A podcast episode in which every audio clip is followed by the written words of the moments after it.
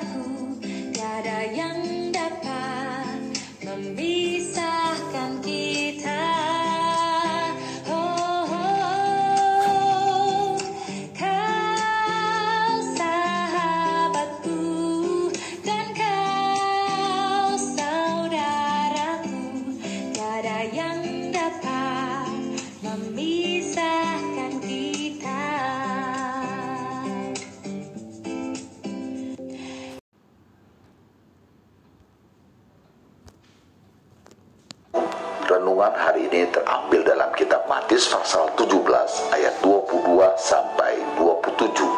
Namun kita baca ayat yang ke-27. Tetapi supaya jangan kita menjadi batu sandungan bagi mereka, pergilah memancing ke danau dan ikan pertama yang kau pancing tangkaplah dan bukalah mulutnya, maka engkau akan menemukan mata uang empat dirham di dalamnya. Ambillah itu dan bayarkanlah kepada bagiku dan bagimu juga. Saudaraku dengan tema tidak menjadi batu sandungan. Saudara, siapa pun yang mengakui dirinya sebagai orang Kristen, tentu saja seluruh hidupnya harus menunjukkan sikap yang dapat menjadi contoh dan teladan yang baik bagi semua orang dalam segala bidang kehidupan, terutama kepada keluarga, kawan, dan kenalannya. Untuk itu, sudahkah kita sungguh-sungguh telah menjadi contoh dan teladan yang baik bagi mereka? Sungguh diperlukan sebuah usaha yang tidak mudah untuk menjadi teladan, bukan? Dalam pembacaan kita hari ini, Yesus menunjukkan sikapnya yang menaati kehendak Bapa serta menaati peraturan hukum agamawi. Saat itu para murid sangat sedih ketika Yesus memberitahukan untuk kedua kalinya akan penderitaan, kematian, dan juga kebangkitannya kelak di mana ia akan mengalami kematian oleh tangan manusia demi melakukan kehendak Allah Bapaknya. Selanjutnya, ketika mereka berada di Kapernaum, pemungut biaya bait Allah menanyakan tentang bea yang seharusnya dibayarkan setiap tahun oleh orang-orang Yahudi. Saudara, peraturan seperti itu masih dilakukan oleh umat Yahudi hingga pada zaman Yesus. Nah, Yesus sebenarnya adalah pemilik bait Allah, jadi seharusnya ia tidak perlu membayar pajak. Namun supaya tidak menjadi batu sandungan, Yesus pun membayar pajak itu dengan cara yang ajaib, yaitu dari uang yang ada di mulut ikan dari hasil tangkapan mereka. Saudara, apa yang Yesus lakukan dalam kisah ini menunjukkan ketaatannya terhadap otoritas. Pertama, pada otoritas Allah. Yesus dengan taat menyerahkan dirinya mati di tangan orang berdosa. Kedua, pada otoritas yang ada di dunia, di mana Yesus tetap taat membayar bea.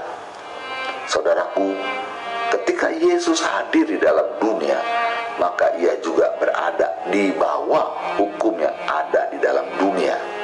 Dalam hal ini peraturan-peraturan agama Yahudi. Demikian juga dengan kita tak kala kita ada di dunia. Kita harus mentaati semua peraturan-peraturan yang ada.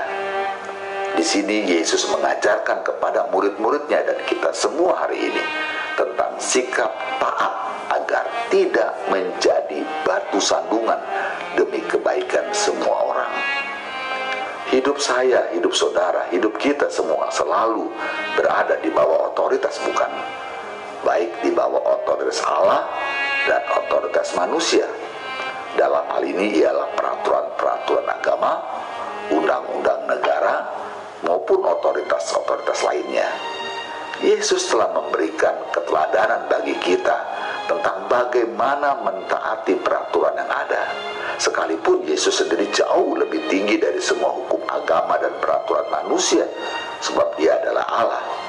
Oleh karena itu, marilah kita menjadi saksi Kristus dengan menjadi pribadi yang taat, sehingga hidup kita tidak menjadi batu sandungan bagi orang lain, melainkan boleh menjadi teladan dan mencerminkan Kristus di dalam kita. Oh, haleluya! Saudaraku,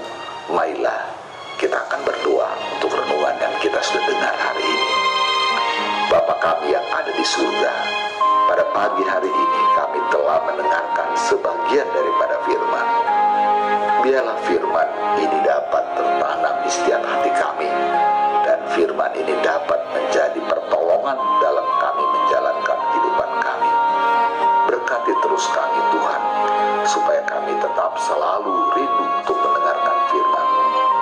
Pagi ini yang lemah telah dikuatkan, yang sakit telah disembuhkan, dan yang kekurangan telah ditambahkan. Berkati juga aktivitas kami pada hari ini dalam pertolongan dan penyertaan Roh Kudus. Terima kasih Tuhan, di dalam nama Tuhan Yesus kami telah berdoa dan mengucap syukur. Amin.